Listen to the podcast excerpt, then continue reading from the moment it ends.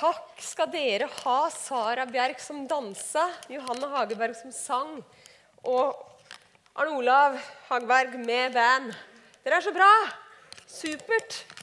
Fortjener nesten en applaus til, spør du meg. Ja.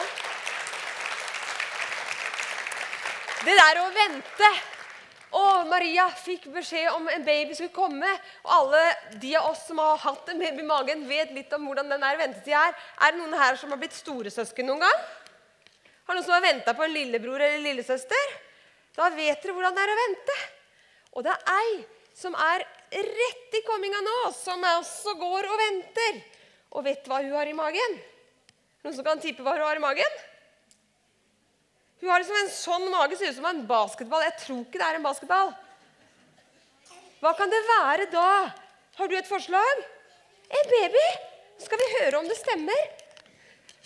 Skal vi se Marie Nei, Marga, Maria, nå skal du høre. Det var for et par tusen år siden.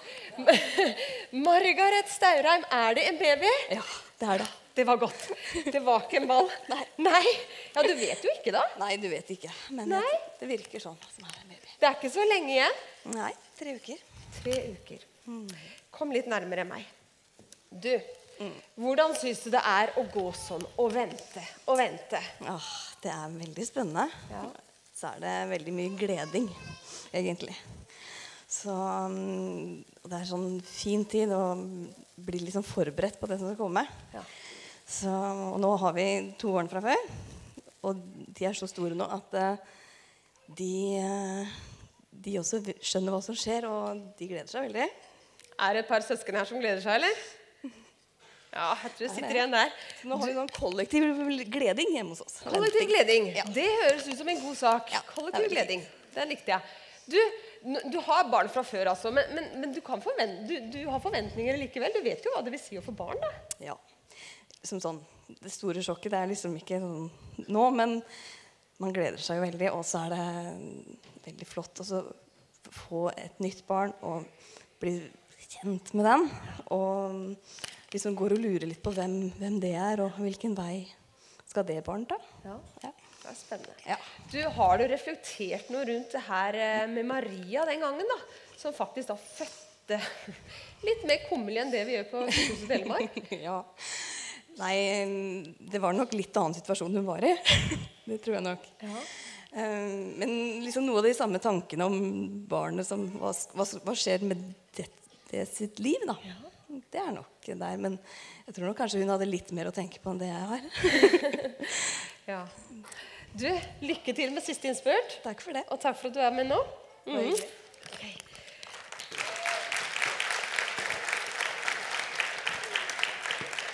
Ja, ettersom man venter på noe, jo nærmere vi kommer det vi venter på, jo mer øker liksom denne forventninga. Og nå har vi gått og telt dager i desember. Hvilken dag i desember? også, nå husker jeg ikke melodien engang. Er det i dag? Det er 20 24. desember.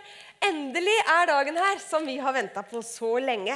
Og noen av oss er kanskje ikke helt klare ennå. Skulle gjerne hatt en ukes tid til. Men det blir jul uansett. Det er i hvert fall sikkert. Og forventninga stiger. Og det er ikke så veldig lenge før vi skal få denne forventninga helt i boks når vi går hjem og åpner pakker og alt det her greiene her. Jeg husker en jul, jeg. Jeg tror jeg var kanskje ni. Jeg er ikke helt sikker, men kanskje jeg var ni. Jeg og broren min hadde i hvert fall begynt å snike litt rundt i huset. Og vi hadde funnet ut hvor foreldrene våre hadde gjemt julegavene. Og det var i kottet på soverommet deres. Litt sånn inn under noe sånn lavt tak. Så vi smøg oss inn der, og så fant vi masse gaver. Vet ikke om du husker det, Lars? Jo. Og en av de så cirka sånn som det her ut.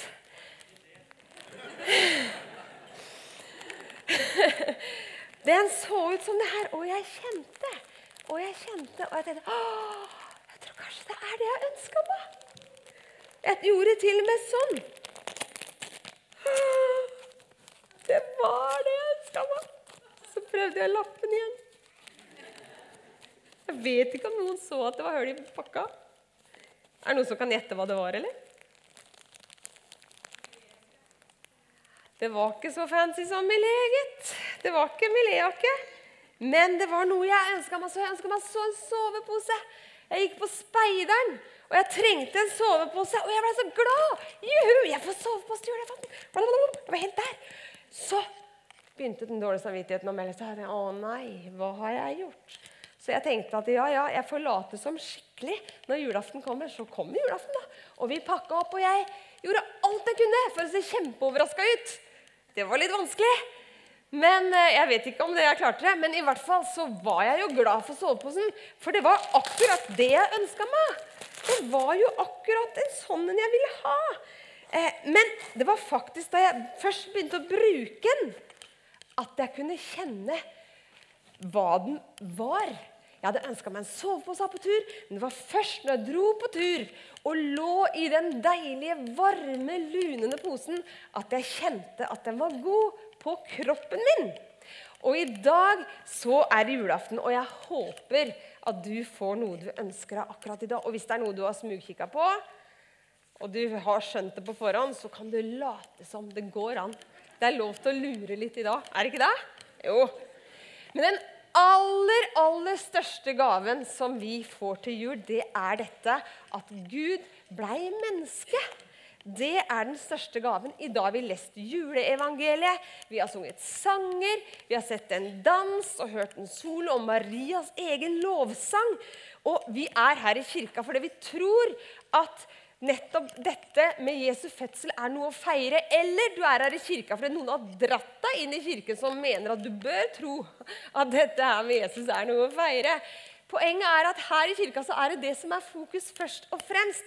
Det her er med at det handler om hvem Jesus er, og hva han kom med. Og kanskje du i løpet av adventstida har hørt denne julesangen som Oslo Gospelkor synger, så du kanskje har til og med blitt litt lei av den. Men den er veldig fin, og det er mange som har sunget den mange ganger. Og i løpet av sangen så synger de Se, himmelen ligger og hviler på jordens gule strå. Synger de blant annet, ikke sant? De synger at selveste himmelen ligger og hviler. Den setningen der det syns jeg er ganske fantastisk.